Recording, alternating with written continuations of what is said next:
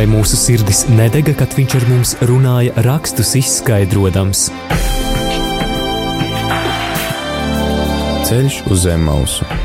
Lauzīsim kopā Dieva vārda maizi, iedziļinoties dažādos bibliskos tematos.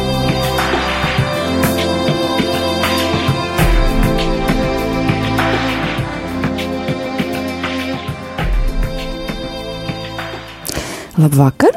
Darbie radioklausītāji, mēs tiekamies raidījumā Ceļš uz Zemausu. E, mūsu raidījuma mērķis ir palīdzēt tev saprast labāk svētos rakstus. E, šeit studijā esam mēs, Māris Veliks un Linda. E, šo raidījumu ceļā uz Zemausu mums palīdz iet pārstāvji no dažādām konfesijām. Un šovakar pie mums būs Šovakar pie mums būs Liepājas Baptistu Pāvila draudzes mācītājs Mārtiņš Balodis. Labvakar! Labvakar, Mārtiņ! Un šovakar, dārgais klausītāj, tu noteikti nevēlēsies palaist garām šo raidījumu, jo es esmu pārliecināts, ka tas, ko tu dzirdēsi, palīdzēs tev ar labāku izpratni lasīt turpmāk vienu no Jēzus vispopulārākajām runām - Kalnas prediķi vai Kalnas vētrunu, kuru mēs atrodam Mateja evaņģēlija 5., 6. un 7. nodaļā. Un eh, dodam vār, vārdu mācītājam Mārtiņam Balodim, ar ko tad būtu šajā vakarā jāsāk, lai mēs varētu gūt tādu pilnīgāku priekšstatu par šo kalna svētrunu? Nu, jā, pirmkārt, paldies par priekštiesību atkal viesoties. Um, tātad kalna svētruna Toties arī tajā, kas tikko izskanēja jau par gaveņu laika trīs praksēm, tās patiesībā atrodas Kalnas vētrunas centrā.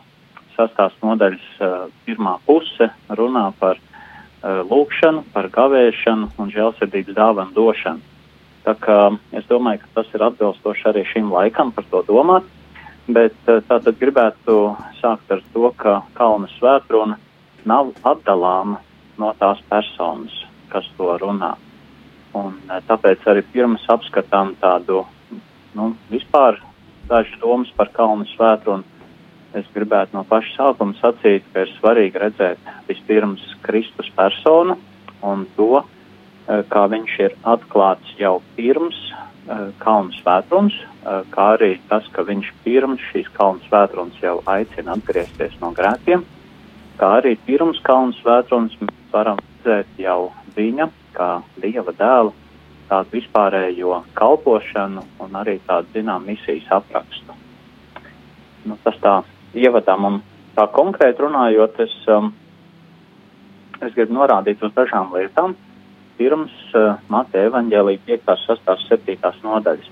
Um, dažkārt būsiet dzirdējuši, ka cilvēki Jēzu uzlūko kā tādu labu morāls skolotāju bet uh, Kristus pats noteikti nav pat uh, salīdzināms ar morāles skolotāju, jo viņš ir Dieva dēls. Uh, viņš nav nekad pretendējis ne uz ko mazāku. Un uh, sacīt, ka viņš ir tikai morāls skolotājs, nozīmē atņemt viņam viņa godību. Un tātad, skatoties uz Bībeles tekstu pirms kalnu svētrunas, mēs redzam, jau vairākās vietās atklājas tas, ka viņš noteikti nav tik cilvēks. Un, uh, un ka viņš ir dieva dēls, un ka tad, kad viņš runā šo svētrunu, viņš jau ir iepazīstināts ar klausītāju kā dieva dēls. Nu, piemēram, Mateja evaņģēlīts atkritās nodaļas um, sākumā lasām, ka viņš tika kārdināts tuksnesī. Uh, Sātans viņu kārdina, un viņš šīs kārdināšanas uzvar. Uh, tātad jau mēs redzam, ka Mēs esam iepazīstināti ar personu, kura spēj stāvēt pretī sātanam, sātana spēkam, sātana viltībām, ko nav spējis neviens cilvēks visā vēsturē. Tālāk, kad mēs lasām, ka Jēzus tur staigā um, nu, Galileju un, un tur pieminēts arī Izraela cilts, kāds Zebulons, Naftaļs cilts, un tur ir sacīts, ka viņš ienāk kā gaisma tumsā. Un, protams, lasot evaņģēlijas uh, un to situāciju un Kristus darbību, mēs redzam, ka tā vide bija ļoti grēcīga. uh, tur bija ļoti daudz problēmas. Un tāpēc arī no paša sākuma viņa ienākšana uh, sabiedriskajā dzīvē, cilvēku dzīvēs, ir aprakstīta kā gaismas ienākšana tumsā. Nākošais, ko mēs pamanām 17. pantā, viņa sludinātā vēsts - atgriezieties no grēkiem, jo debesu valstība tūklāt pienākusi.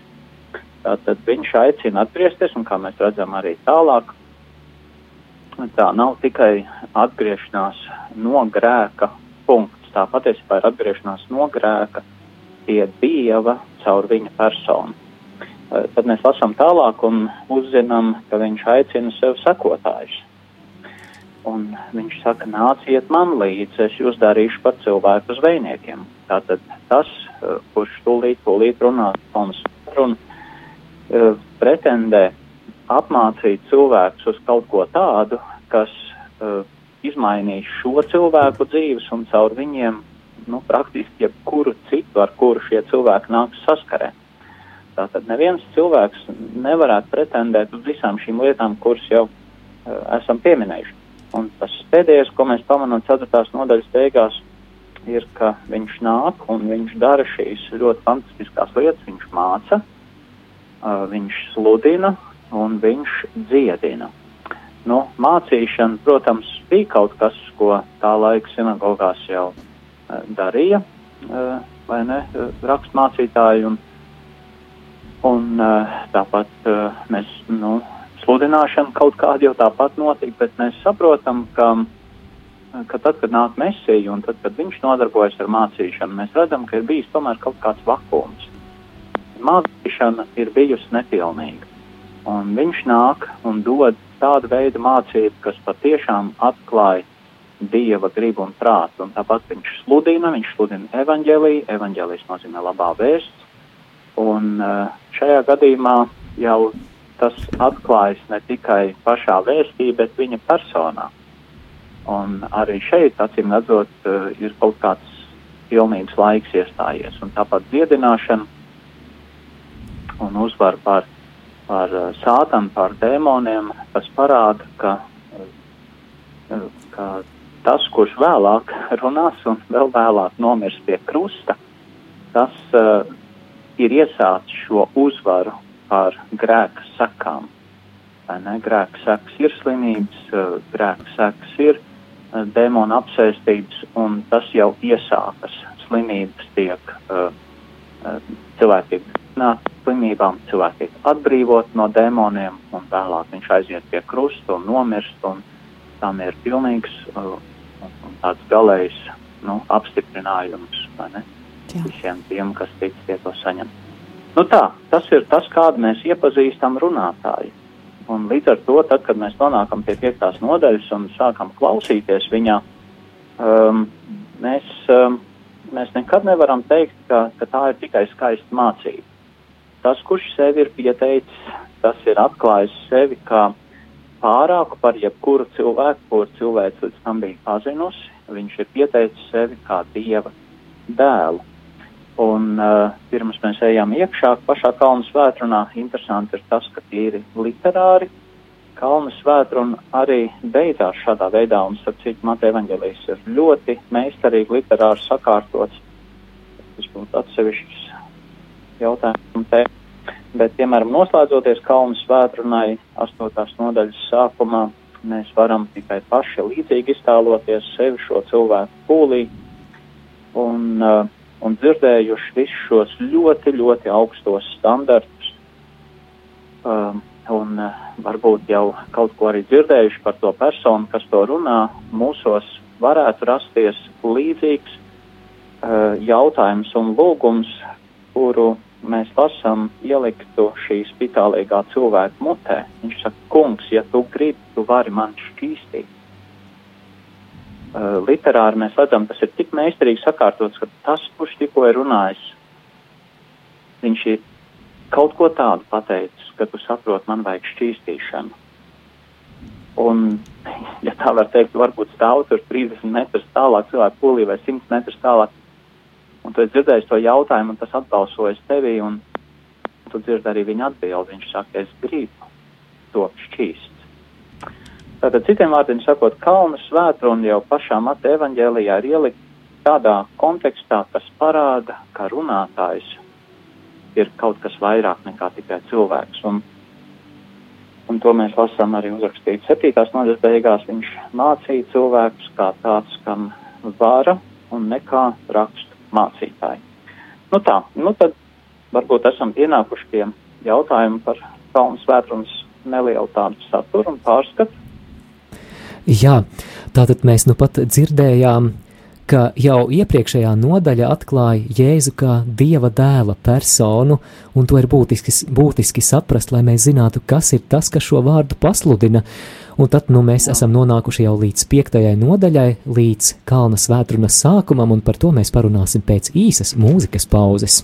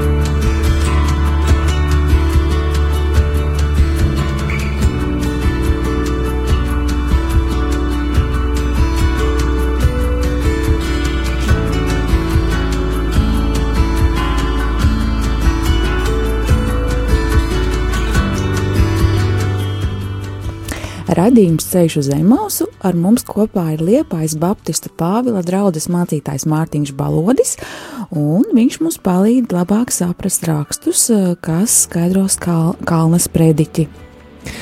Un dodam vārdu atkal mācītājiem Mārtiņam, tad nu esam nonākuši līdz pašai kalnas vētrunai, lūdzu. Jā, nu tā, tā tad kalnas vētruna eh, piektajā nodaļā Un uh, tas, ar ko Jēzus iesāk šeit, uh, ir tāds debesu valstības pilsoņu raksturojums. Visu kalnu svētkrunu varētu iedalīt trīs tādās lielās daļās, nu, un šī ir tā pirmā daļa. Tātad debesu valstības pilsoņu raksturojums, kā mēs saprotam, būtu par, par kristieti, mēs šodien sacītu. Un, um, un šis sadalījums kristieši, kāds tad ir kristietis, ir savukārt divās daļās savu, pirmkārt viņa raksturs un uzvedība no 3. līdz 12. pantam, un pēc tam no 13. līdz 16. pantam lasām, kāda tad ir kristiešu atbildība ar savu raksturu un uzvedību uh, nu, pasaules priekšā. Bet uh, tātad pirmkārt pats raksturojums. No 3. panta mēs um, lasām šos ļoti zināmos vārdus, svētīgi garā nabaga, jo tiem pieder debesu valstība, svētīgi tie, kam bēdz, jo tie tiks iepriecināti un tā tālāk. Varbūt pirmoreiz lasot, uh, rodas tā izjūta, ka tie vienkārši ļoti skaisti vārdi, labi savirknēti, un ko gan viņi varētu nu, tā nozīmēt. Un tad par nožēlu dažkārt tā tendence vienkārši, ko nu saprot, bet Uh, iedziļinoties šajos vārdos, mēs pamanām, uh, ka tur ir atkal ļoti skaista literāra meistarība no 3. līdz um, no 10. pantam. Mēs redzam šos astoņus svētības pasludinājumus, pēc tam 10. pants ir sīkāk to paskaidrots ar 11. un 12. pantu. Bet uh, trešajā pantā mēs redzam, ir šis svētības pasludinājums, tiem pieder debesu valstība, un arī desmitajā pantā tiem pieder debesu valstība. Un šie astoņi tad nu dalās vēl uz pusi, jā, kur pirmā puse ir cilvēks, kurš meklē dievu, un otrā puse cilvēks, kurš ir atradzis dievu. Svētīgi, garā nabagi, jā, tātad tie nav cilvēki, kuri būtu nepilnīgi vai uh, paši apliecina tikai Dievs, es nāku tāds pazemīgs tavā priekšā, bet tie ir cilvēki, kuri ir garīgi tāpat Dievu priekšā, kuri ir garīgi izslāpuši ar garīgām dvēseles vajadzībām. Un, ja es saku, viņi ir svētīti, tie cilvēki, kuri apzinās savu garīgo bankrotu. garīgo korumpētību, ne, ka viņi ir grē, grēcinieki. Un otrs svētīgi tie, kam bēdas, tas ir svētīgi tie, kas skumst par to, ko viņi ieraug sevī, šo garīgo nabadzību. Svētīgi lēnprātīgie, tas ir svētīgi tie, kuri norimstas Dievu priekšā un gaida uz Dievu, kur tā vārda nianses ir ļoti interesanta. Tas pat var nozīmēt, kur vairs tā kā nav tiesājoši pret citiem. Tas ir viņš, viņš tikai skatās es un Dievs, un kāds tad es esmu. Viņš nesalīdzina vairs sevi ar citiem, viņš tikai salīdzina sevi ar Dievu. Un tāds uh, fantastisks uh, piemērs arī uh, šim ir atrodams Lūkas evaņģēlī 18. nodaļā, vai ne, tur ir līdzīgi par farizēju un citnieku aizgājuši templi Dievu lūgt, un pareizais tur lielās Dievu priekšā ar visu, ko viņš ir paveicis, un, un pat salīdzina sevi ar muitnieku, šo grēcinieku. Savukārt tas muitnieks pat neuzdrošinājās acis pacelt uz debesīm pretī Dievam, bet ļoti, ļoti sajūt savu grēku smagumu. Un kur ir tā starpība? Tā starpība ir tajā, ka farizējs salīdzināja sevi ar citiem cilvēkiem, un viņš jutās diezgan labi. Bet muitnieks sev salīdzina ar Dievu, un nekādīgi nespēja justies labi. Un, ja es saku, viņš ir svētīgs, viņš, viņš tiek attaisnots. Un, un tas ir līdzīgi arī šeit, ir šī garīgā nabadzība, ko cilvēkam jāatzīst. Ir tās skumjas par to, ko redz, ir tā lēnprātība Dievu priekšā. Tu norimsties tikai tu un Dievs, un, un tu saproti, tev nav nekādas teikšanas. Un, un sastais pants to, to ceturto aspektu parāda, viņ, viņš ir izsalcis un izslāpts pēc taisnības, taisnošanas. Viņš, viņš slāpst, viņš ir izmisis. Un Jēzus tur visus tos apsvērums saka, viņam pieder debes valstīm, tiks iepriecināts, iemanto zem un visbeidzot viņš tiks paēdināts. Un, un tad, kad tas brīnums ir noticis, tad no 7. pantu uz priekšu mēs redzam, viņš ir izmainīts cilvēks. Viņš ir žēlsirdīgs, svētīgs žēlsirdīgiem, svētīgs ir šķīstī, jo tagad viņš ir iemantojis šo, šo, šo piedošanu, Dievs viņu ir šķīstījis un taisnojis. Svētīgi miera nesēja, viņš tagad grib darīt mieru citu cilvēku starpā. Svētīgi taisnības dēļ vajāta, viņš tagad iestājas par taisnību un viņš tāpēc tiek vajāts. Un uh, taisnība šeit parādās sastajā pantā, tā, tā, tā pusīte šeit parādās, vai ne? Ļoti interesants salījums, bet tas parāda, ka jau ir izmainīts cilvēks. Un savā ziņā mēs varētu teikt, ka tās slāpes uh, sastapantā ir pēc visām šīm lietām, ko viņš var iegūt tikai pie Dieva. Uh, būt žēlsirdīgam, būt sirdī šķīstam, būt miera darītājam, kas mieru pauž ap sevi, kurš nes pasaulē pilnīgi kaut ko citu. Un, uh, un Jēzus saka, tas ir tas svētīgais cilvēks, un tas ir tas sākums, ar ko viņš iesāk, un pēc tam jau Jēzus tālāk uh, runā par, par to, kādi ir šī cilvēka uh, atbildība pasaules priekšā no 13. līdz 16. pantam. Un tur arī ir tāds vienkāršs, nu, tāds jau zināmas lietas, uh, salīdzinājums ar sāli, ar gaismu, ar, ar pilsētu, ar sveci. Un, un tas viss parāda, ka tas ir cilvēks, kurš um, ne tikai ir aicināts būt kaut kas īpašs pasaules priekšā un dot svētību, bet viņš neizbēgami tāds arī būtu. Tā ir saules būtība.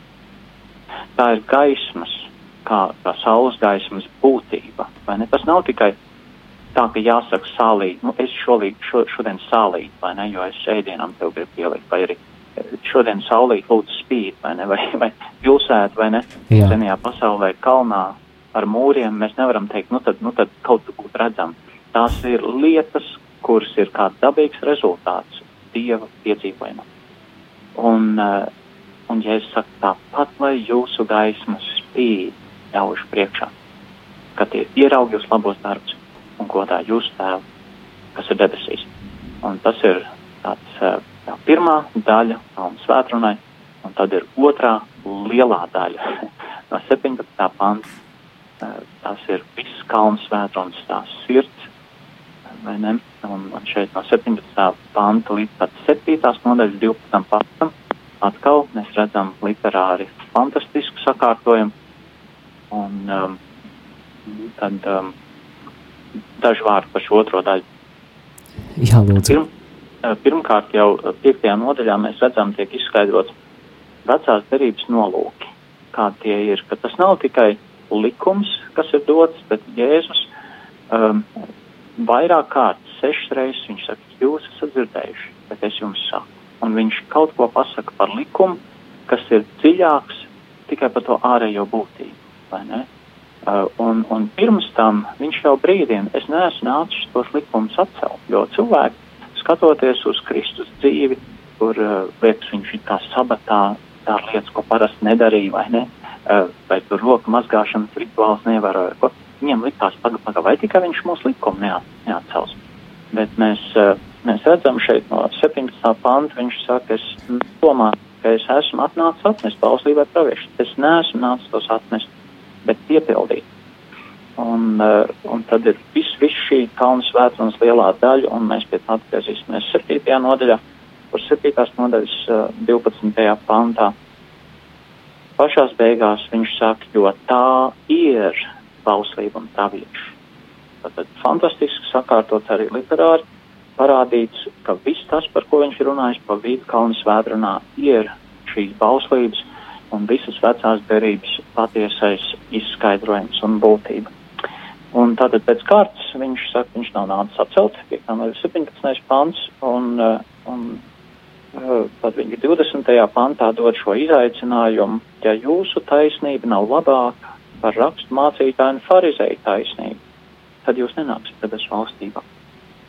Un tas ir tas lielais izaicinājums un tā aktualitāte šodien, ko mēs cauram desmit un svētrunā, kad mums gribās vismaz to burtu piepildīt likumam.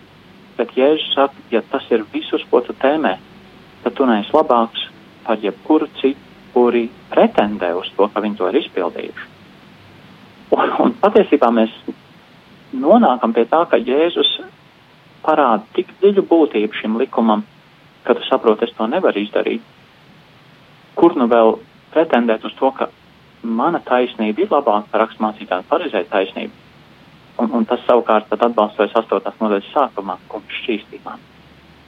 Un, un tajā brīdī, kad runātājs ir izteicis šos uzstādījumus un pasaka, es tevi šķīstīšu, tu saproti, tas ir tas ceļš, kā tā taisnība var kļūt pārāka. Bet, nu, tas vēl ir priekšā, tātad viņš pēc kārtas tagad iet cauri šiem uzstādījumiem Pirmkārt jau eh, tur ir attiecībā uz, uz uh, naidu, vai ne, no 21. panta, kur ir uh, par uh, nokaušanu, tev nebūs nokaut, bet patiesībā jau runa nav tikai par nokaušanu izrādās. Dievs nav gribējis, ka tu būtu naidā. No 27. panta par iekāri, un atkal mēs saprotam, ne jau ārējā iekāra ir tas, kas visu sabojā, bet tas, kas notiek tavā sirdī. Um, tāpat attiecībā uz nevainību laulībā 31. 32. pāns uh, par šķiršanos, vai ne? Un atkal mēs saprotam, tā būtība uh, ir apslēpta ne jau uh, tikai um, uh, nu, tajā, kā tas cilvēks jūtas, un kā mēs lasām vecajā derībā, ka mūsu dod it kā to iespēju šķirties, bet patiesībā uh, tas iet atpakaļ uz Dieva lielajiem nolūkiem, bija kopumā vai ne, atspoguļo Kristus un draudzes attiecības, un, eh, un nekādā gadījumā to Dievs nekad nav gribējis. Eh, attiecībā uz godīgumu ieprastīt tādai augstprātīgai vai, vai nevajadzīgai zvērēšanai no 33. līdz 37. pantam. Es vienkārši godīgs. Jā, jā, nē, nē. Tas ir tas Dieva mērķis bijis aiz visu tā. Tāpat uh, attiecībā uz, uz tiesībām atriept, vai ne? Ja es saku paklau, tad labāk uzdod savas tiesības. Tas ir labāks veids, kā svinēt uzvaru ilgtermiņā šajā pasaulē, nevis atriepties. Tāpat attiecībā uz ienaidnieku mīlēšanu. Viņš saka, tēvs, paskaties, ko tēvs dara. Tēvs mīl, un, un tas vārds esiet pilnīgi, vai ne, tas vārds apzīmē to mērķu piepildīšanu. Viņš saka, tieši tāpat kā tēvs piepilda lietas, darot lietas savā īpašā veidā mīlot ienaidniekus, tas ir veids, kā jūs varēsiet aizvest lietas līdz galam. Un, un viņš parāda tātad no vienas puses likumu viņš nosauc, bet viņš saka, tā būtība ir dziļāka. Un ja jūs gribat piepildīt likumu, jums ir jāskatās dziļāk. Un, un tā iekšējā taisnība pārsniedz ārējās prasības. Un, eh, protams, tas uh, prasītu daudz, daudz detalizētāku apskatu. Mums tam nav laika šodien. Jā, bet uh, esam jau nonākuši līdz piektās nodaļas noslēgumam, 48. pants. Tāpēc esiet pilnīgi, kā jūsu debesu tēvs ir pilnīgs. Turpināsim pēc īsas mūzikas pauzes. Atgādinām, ka skan raidījums Ceļš uz Emmaus un šovakar kopā ar mums mācītājs Mārtiņš Balodis.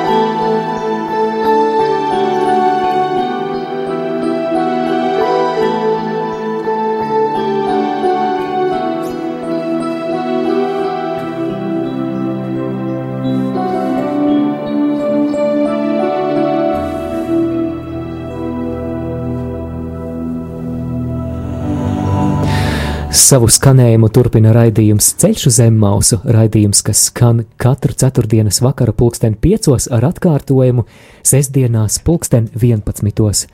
Šajā raidījumā mēs runājam par Mateja evaņģēlija 5, 6 un 7 nodaļu, par Jēzus kalna svētrunu, un kopā ar mums šajā vakarā ēterā ir Liepājas Baptistu Pāvila draudzes mācītājs Mārtiņš Balodis. Dodam jums vārdu, esam nonākuši jau līdz sastajai nodaļai, un kas ir tie svarīgākie uzsvari? -hmm. Sastā nodaļa pamatā divās lielās daļās dalās. Pirmā daļa atklāja mums uh, jūdu dievbības tos trīs pamata elementus, kas bija žēlsirdības dāvana došana, lūkšanas un gavēšana. Un uh, atkal Jēzus rada, cik svarīgi ir tā iekšējā taisnība visās šajās praksēs nekādā gadījumā Jēzus nesaka, to nevajag darīt. Ne, vajag dot žēlsirdības dāvanas, vajag lūgt, vajag gavēt. Bet viņš saka, tad, kad tu to dari, tad, piemēram, tavu kreisā roka, lai nezinu, ko labā dari. Un tā, ka tavu dāvana paliek apslēpta, un tavs tēvs, kad, kas redz slepenībā, tev to atmaksās. Tāpat arī lūkšanas, tāpat arī gavēšana, tas viss paliek apslēpts. Un tas ir uh, tas ir tas, ko Dievs skatās, vai ne? Kas notiek tavā sirdī, vai tu vari to izdarīt no sirds? Un, uh, un tikai tad, ja tu to darīsi no sirds, un, un tikai tad tev būs alga. Tikai tad. Uh, tā tad nav iespējams pretendēt uz kaut ko, uh, ko, ko tu varētu pateikt citiem, vai ne? Noreklamēt, redz, es tur ziedoju, un, un uh, es parādos kā sponsors, man liek uz uh, afišām, vai ne? vai, vai lūkšanās vēl pretendēt uz, uz to, redz, esmu lūdzis, mans vārds parādījās tur vai vēl kaut kur, vai gavējot, vai ne, nu, nesakopties, ja es saku sakopties kārtīgi, tā teikt, viņam dušu sasmažojies ej uz ielas, vai ne, nu, šodienas skatījumā, tad, tad tu tikai tēvu priekšā nes, vai ne? Un tā lūkšana, protams, ir uh, mums ļoti zināmā, var, kas sāks ar šiem vārdiem, vai nesvētīt, lai to tavs vārds mēs uzrunājam Dievu tēvu. Un, un jautājums, kā lai mēs svētījam, kā lai mēs svētījam Dievu? Vai tas iespējams? Dievs svētī mūs, kā lai mēs svētījam Dievu? Protams, Bībelē atkal un atkal ir šie vārdi par svētīšanu, vai ne? Arī Ieps pēc traģēdijas saka, ka ne tas kungs bija Dievs, tas kungs ņems tā kunga vārds, lai ir svētīts vai arī svētīto kungu man dvēseli un viss, kas manī viņa svēto vārdu. Tas vārds svētī parādās, parādās atkal un atkal. Mēs jautājam, kā tas var būt. Tas parāda tikai uh, to, ka, ka tu uh, ne tikai, piemēram, slavē Dievu un, un saka Dievam, jā, Dievs tāds tu esi, bet tu atrod tik dziļu apmierinātību Dievā par to, kāds ir Dievs, ka tad, kad Dievs tevi svētī, tu tu it kā atrodies turpat, un tu saki, svētīts, tu esi Dievs, svētīts. Un, uh, un tā ir tāda sadraudzība ar Dievu, kur mēs saprotam arī palīdz piepildīt visu šīs, um, visu šīs uh, jūtu dievbības prakses, vai ne, žēlsirdības dāvana, kas tikai starp tevi un tēvi ir pašlūkšana un arī gavēšana. Un tad otrā daļa, sastajā nodaļā ir par šo mantu krāšanu, kur, mēs saprotam pavisam skaidri, ja es saku, ka nekādā gadījumā tu nevari uh, pretendēt uz, uz divām lietām vienlaicīgi, ka tu uh, materiālās lietas, uh, ne, liks augstāk savā dzīvē par visu un, un Dievu izmantos, nu, savu baidzību apmierināšanai. Dievs ir tas, kuram ir jābūt tavai vērtībai, tavai mantai, visai, uh, visam tavam dārgumam un krāj man debesīs, nevis uz zemes. Un tev nā, nav jāsatrauc par tām ikdienas lietām. Protams, ir jārūpējas, bet nav jā, jāzūdās, vai ne? Nav jākrīt izmisumā, nav pārlieku jāiegulda sevi, sevi tajās lietās, kas ir tikai, um, tikai materiāls, tikai ikdienišķis. Un tad, protams, tas jautājums pēc, pēc viss tā uh, um, pamazam, pamazam Iešu tur detaļās, bet tālāk uz, uz septīto nodaļu, kad Jēzus ir parādījis, ka tās ir lietas, pēc kā uh, cits tauts, ja domāt ir tieši cilvēki, kas netic dzīvēm Dievam, viņi pēc tam tām lietām zenās, tad viņš pievēršas atkal tieši tādai kristīgai kopībai vairāk, un viņš septītās nodaļas sākumā runā par netiesāšanu. Um, netiesājiet, lai jūs netaptu tiesāti. Ja? Un uh, tie ir pieci panti, kas aicina skatīties uz to, kāds tu esi, jo dabīgi, jo vairāk mēs pieaugam sapratnē par Dievu standartiem priekš mums, nu sacīsim, jo vairāk mēs ejam caur kalnu svētrunai un cenšamies to savā dzīvē praktizēt, jo vairāk parādīsies uh, arī tas, o, redz, redz, kas es esmu, redz, ko jau es varu, vai ne, un vai tie citi arī to var, ko es varu. Un kaut kā liekas, atceļās varbūt jautājums, nu kāds tad ir tie citi un kāds es esmu. Un šeit skaidri parādās, ja es saku, skaties pats uz sevi. Varbūt pa baļķis tavā acī ir. Un tam otram ir tikai un vienīgi vēl skabērga, vai ne? Un tātad viņš aicina tiešām to svētru un klausīties priekš sevis. Un uh, mēs varētu, jā, un tad sastais pants vēl, tas ir tāds īpašs, īpašs pants, tāds pagrieziena punkts varbūt eh, Jā. arī svētdienā. Nedodiet svētumu suņiem Jā. un nemetiet savas pērles cūkām priekšā, ka tās ar savām kājām viņas nesamin un atgriezdamies jūs pašus nesaplosa. Mm -hmm.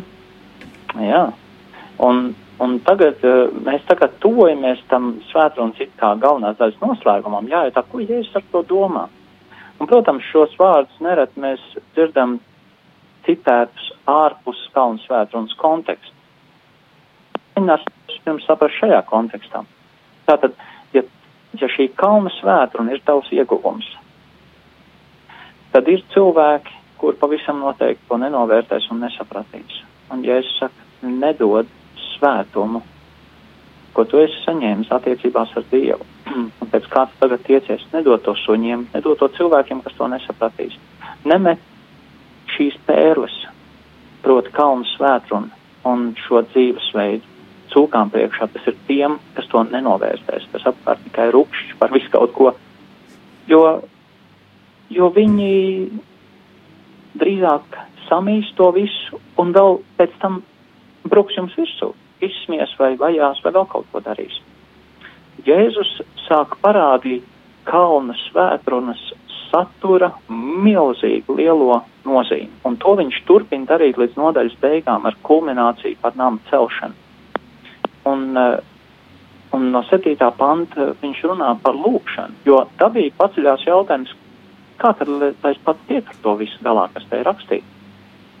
Un, ja es saku, lūdzu, lūdzu, tad tev tiks dots meklēt, tad tu atradīsi klaudziņu, tad tev atvērs, jo, jo ik viens, kas lūdz dabūt, tad tu ej pie Dieva un meklē. Un Dievs, ja tu viņu lūgs, viņš tev nedos vietā kaut ko sliktu, viņš tev dos šo kalnu svētru un tavā dzīvē, tavas dzīves saturā.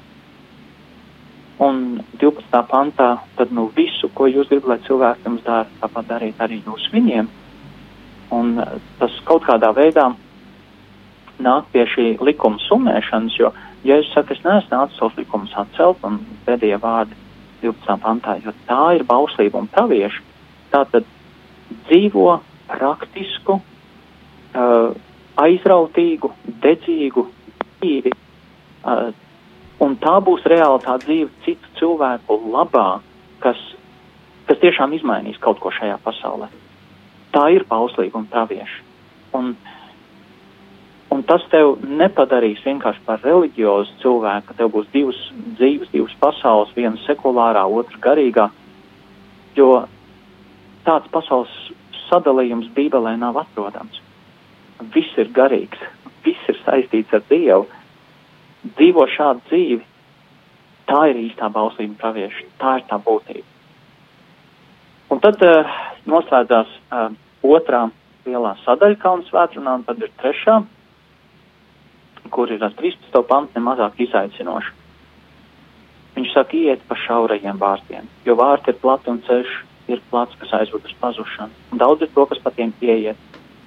Bet šauri ir vārti un šaurs ir ceļš, kas aizved uz dzīvību, un maz ir, to prot. Ko viņš ar to domā? Konteksts ir kalnu svētruna Šaurais, šaurie vārti un ceļš ir kalna svētrunas mācība. Būs cilvēki, kas teiks, pagad tas ir pa šauru. Tāda dzīve ir šaura dzīve. Un ja es saku, ejiet šo ceļu, jo būs plati vārti, plats ceļš, tas viss aizved uz pazušanu. Tie, kas gribēs kaut ko pielikt klāt, tas aizved uz pazušanu. Un 15. pants arī saka, sargieties no viltus praviešiem Jo būs šie viltus sludinātāji, kur teiks, nē, nē, nu, tas jau pa grūtu, tas pa sarežģītu. Viņš, viņš saka, sargieties no tiem. Tātad konteksts ir kalnu svētruna. Viltus pravieši ir cilvēki, kas runā kaut ko pret to, ko Jēzus māca, kas aicina uz kaut ko vairāk vai uz kaut ko mazāk. Un viņi, viņi izskatīsies labi, viņi izskatīsies labi, Tur būs varbūt labas programmas, labs sakārtojums, labs menedžments vai, vai uh, fantastisks šovs. Jā, avju drēbēs nāk. Jā, jā. Un, un ļoti labas lietas tiks piedāvāts, vai ne? No līdz. Apkalpots viss tiks, vai ne? Veseli gars mies un kaut ko piedāvāts. Bet, ja es saku, ja tur nav tas, kas ir kalns vētrums saturā, kas izmaina savu dzīvi, Eh, taisnība pārāk par raksturmācību, tas var būt taisnība. Ja tur ir, ja tur pietrūkst tā būtība, ko tikai Kristus var uzdāvināt, kad Kristus attaisno tevi, tad patiesībā tur ir plēsēji apakšā. Un tad no 16. pānta, protams, runā par augļiem, kā tad atpazīt, ir augļi vai ne. Un, uh, un no 21. pānta viņš saka, ne katrs, ne katrs, kas uz mani saka, kungs, kungs, iesdebes valstībā, bet tas, dara man debes tēva prātu. Un uh, kas ir tā darīšana? Tā ir kalna svētruna pēc, pēc satura. viņš saka, daudz nāks un teiks, mēs, mēs esam darījuši, mēs esam sludinājuši, mēs esam pat vēlams izzinuši, brīnums darījuši tavā vārdā. Un Jēzus teiks, es nekad neesmu jūs pazinis. Um, tas, kas mani pārsteidz uh, visā šajā, ir, ir tas, ka Jēzus pēc galvenās svētrunas daļas tik ļoti lielu iedaļu tomēr ir veltījis brīdinājumam no tiem cilvēkiem, kas gribēs izvairīties, kas gribēs apiet, kas gribēs izskaistināt vai, vai samazināt, palielināt kalnu svētrumu. Man pārsteidz tas, ka ļoti dažādiem vārdiem Jēzus brīdina no šiem cilvēkiem. Un ko tas liek domāt? Tas liek domāt par cilvēcīgā dabā, gan uh, sātana viltībās būs šie mēģinājumi mūs novirzīt no šī ceļa. Un, un uh, beigās Kalns vētrunē tātad 4. pants un tālāk viņš dod šo līdzību par nāma cēlājiem, divi vīri, ļoti pazīstama līdzība. Neviens ceļ uz, uz um, klints, um, viņam ir stiprs pamats, un tad, kad lietus līst un tas traumas nāk pa tiem kalniem, gāžās un trāp tam namam, tas viņu nevar izkustināt. Un otrs ceļ uz smiltīm, tad mēs varētu domāt kaut kādā uh, upītas uh, skaistā ielokā uh, atradas labu vietu, viegli būvējās, viss kārtībā, bet nāk tie ūdeņi un tie gāžās un, un kā no kalniem, ka viss nāk lejā, strauji līdzi, tur ir akmeņi, tur viss kaut kas, un tas vienkārši nones visu to ēku. Un ja es saku, ja tu manus vārdus dzirdi un dari, tad tikai tu esi tas gudrais. Un tā ir gudrība paklausīt Jēzus mācībai, un muļķība ir nepaklausīt. Un tas ir tāds um, ļoti spēcīgs kalns vētrunas noslēgums, um, izaicinošs. Nu Darbie, darbie klausītāji, atgādinu, ka turpina skanējumu raidījums Ceļš uz Emmausā, Ceļš uz Emmausu, un um, ar mums kopā mācītājs Mārtiņš Balodis, un šajā brīdī mēs atveram arī mūsu telefona līniju un uh, raidījuma pēdējās minūtēs dodam iespēju tev piezvanīt, ja tev radās kādas pārdomas, kāds komentārs, varbūt jautājums. Pat ja tas nav par šo rakstu vietu, varbūt tu nesen lasīji svētos rakstus un tev radās kādas pārdomas, jautājumi, neskaidrības, tad dodam tev iespēju piezvanīt uz studiju un varbūt arī mēģināsim šajā vakarā atbildēt. Tālruņa numurs studijā ir 67 969 1 31. Savukārt īsiņas varat sūtīt uz numuru 266, 77, 272. Varat rakstīt arī, eh, ja ir kas garāks jautājums, uz e-pastu studija at rml.lv. Jebkuri jautājumi saistībā ar svētajiem rakstiem, varbūt par to, kā labāk rakst, lasīt svētos rakstus, ja ir radušās kādas pārdomas, kurās vēlies padalīties ar pārējiem klausītājiem, tad droši iesaisties, dodamies mūzikas pauzē, un tad jau arī cerams sagaidīsim kādu klausītāju iesaistīšanos.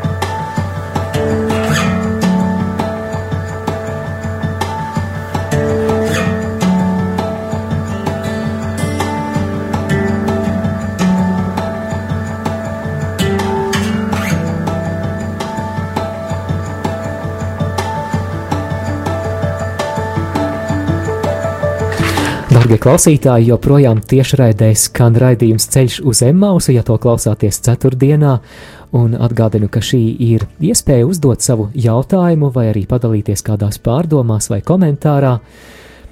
Rakstot uz studiju īziņu numurs, īziņu numurs mums ir 266 77, 272, un Linda, kā tad var sazvanīt studiju? Un sazvanīt mūs var 67, 969, 131. Un e-pasta sauksim kopā. Jā, tad uh, 3, 4 Studija at rml.lv. Un uh, aicinām arī uzrakstīt īziņā, kura ir jūsu mīļākā raksturvieta no Kalna sprediķa, tātad no Mateja evaņģēlija 5, 6 vai 7 nodaļas. Būsim priecīgi par jūsu dalību šajā raidījumā.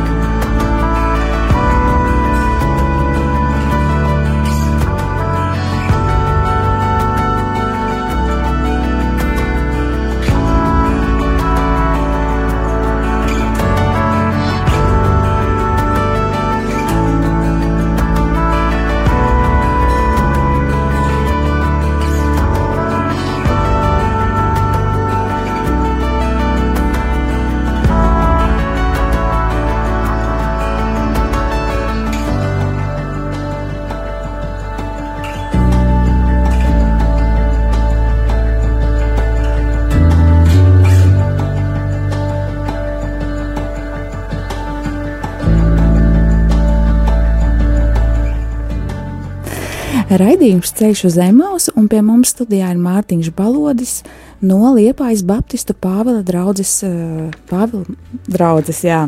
Apskatām mēs Kalnas prediķi, un eh, Mārtiņ, vai drīkst vienu jautājumu es jums uzdošu? Lūdzu. Paldies. Um, be, um, piektajā nodaļā ir tādi pārfrazējuši vārdi, uh, ka Jēzus saka, stāv rakstīts, bet es jums saku, stāv rakstīts, bet es jums saku. Ja? It kā viņš šī stāv rakstīts citē, kas ir bijis vecajā darībā teikts, un it kā, bet es jums saku, un tad viņš tomēr pasaka kaut kādu nedaudz atšķirīgu informāciju. Mēs jau dzirdējām, Jā. ka Jēzus neatceļ veco derību un baušļus, bet to tieši otrādi atnācis piepildīt. Bet kādēļ tāds uzsvars, kādēļ ir šie vārdi tādi, kāpēc viņš uzsver, kas tā rakstīts, bet es jums saku, vai tam ir kāda nozīme, vai tas vienkārši tāda, tāds runas veids, kā jūs domājat? Nu, tas uh, katrā ziņā Jēzus uh, pirmkārt jau saka, vai ne, ka viņš neatceļ bauslību. Un viņš saka, tas ir tas, ko jūs esat dzirdējuši. Tas ir tas, kas jums ir mācīts. Un viņš nekādā gadījumā negrib pateikt, ka tas ir nepareizi.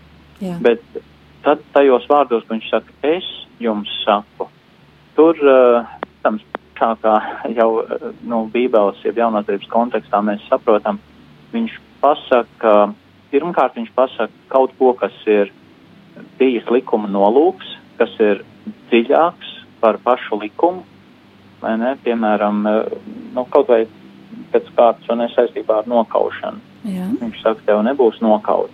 Un gal galā beigās izrādās, viņš saka, ja tu dusmojies, ja tev ir naids, tu jau esi izdarījis to, ko tas Pauls saka, tev nebūs darīt. Nemaz nenonākot līdz pieskārienam, līdz, līdz kaut kam vairāk attiecībā uz otru cilvēku, bet tad, kad tavā sirdī jau ir problēma Un eh, tātad pirmkārt Jēzus parāda, ka tas likums ir jā, ar dziļāku nozīmi. Otrs, tad, kad viņš saka, es jums saku, uh, prasa zinām pierādījumu, nu, ko tad tu domā ar to, ka saka kaut ko it kā atšķirīgu.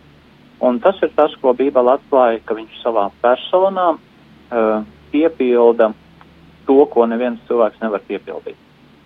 Jā. Viņš uh, ne tikai saka, ka tas ir likuma nolūks, bet, kā mēs redzam, viņš saka ar savu dzīvi, ka viņš to izdara. Un cilvēks kā klausītājs paliek ar šo vajadzību, jo viņš ir ne tikai dzirdējis likuma dziļāko nolūku un tā izskaidrojumu, viņš paliek ar vajadzību to izdarīt. Un vienīgā atbilde ir tajā, ko Jēzus ir tikko pateicis. Es jums saku. Um, un, ja tu saki, tad lūdzu dot man atbildi. Tātad tas ir tas lūgums, ar kur mēs sastopamies 8. nodaļā šīs dienas. Jā, paldies. Vēl mācītāji Mārtiņa ir jautājums par tā saucamajām kalna svētībām, kuras mēs lasām 5. nodaļā no 3. panta, par to, kāds latviešu valodā būtu atbilstošākais vārds, jo šajā 65. gada revi, revidētajā tekstā mums ir svētīgi garā nabagie, bet šo vārdu mēdz arī tulkot kā svētlaimīgi, reizēm pat uh, mēdz teikt, ka laimīgi būtu tas atbilstošais vārds. Varbūt jums par šo ir kāds uh, komentārs un, un kā, kā to labāk saprast?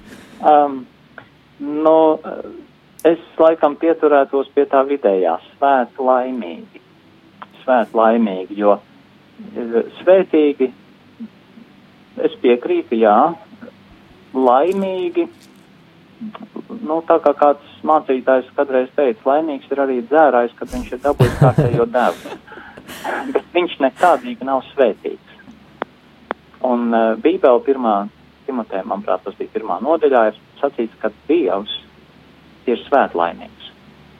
Un apsverdarbos 20. nodaļā ir Jēzus vārdi svēt laimīgāk ir dot nekā ņemt. Abās šajās rakstvietās ir tieši tas pats vārds oriģinālā, vai ne, makārijos. Un, ja Dievs ir svētlaimīgs, ja, ja Kristus pieredze bija, kāda tā ir svētīga, svēta, perfekta laime, tad, tad man šķiet, ka tas ir tas, kas vislabāk to būtību ataino. Tā ir svēta laime. Un šajā gadījumā svētlaimīgs nav kaut kas uh, nu, automātisks. Tu to darīsi, tā būs tā ir Dieva dāvana.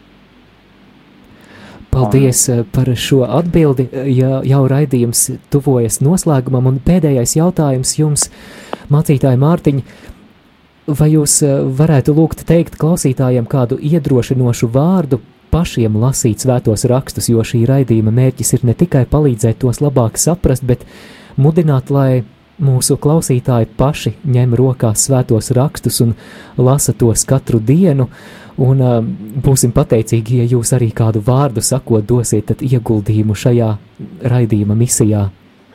Jā, ļoti labprāt.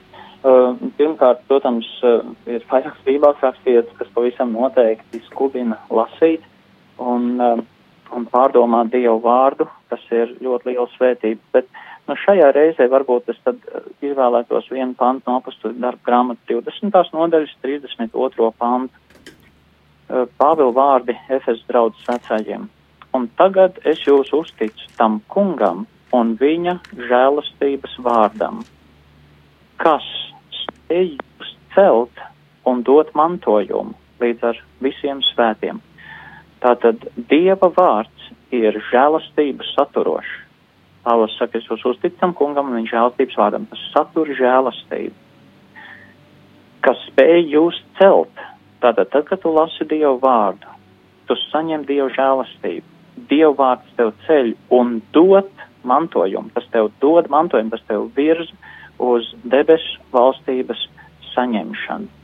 Un uh, tāpēc uh, tie ir Pāvila vārdi, vai ne, par to, ka tas ir žēlstības vārds, un varbūt no šī viedokļa ir jāskatās arī katra uh, Pāvila vēstules tas ievada vārdos, kur viņš saka, vai ne, žēlstība jums un miers no Dieva mūsu tēva un kunga Jēzus Kristus, proti, tad, kad tu lasīsi, tu saņem žēlastību. Uh, un, um, un tāpēc apakstuļu darbi 20, 30. Tas būtu mans vēlējums šai reizei. Paldies! Tātad apakstuļu darbi 20, 32.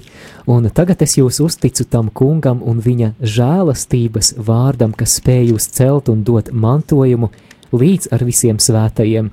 Ar to arī šajā vakarā noslēdzam raidījumu Ceļš uz Emmausu, raidījumu, kurā mēs aplūkojām Jēzus Kalnas prediķi Mateja evaņģēlija 5., 6.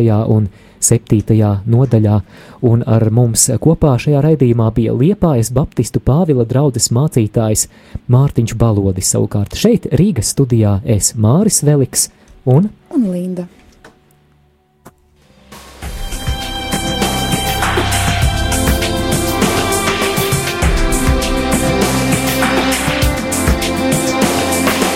Ceļš uz zem mausu katru ceturtdienu, pulkstens 17.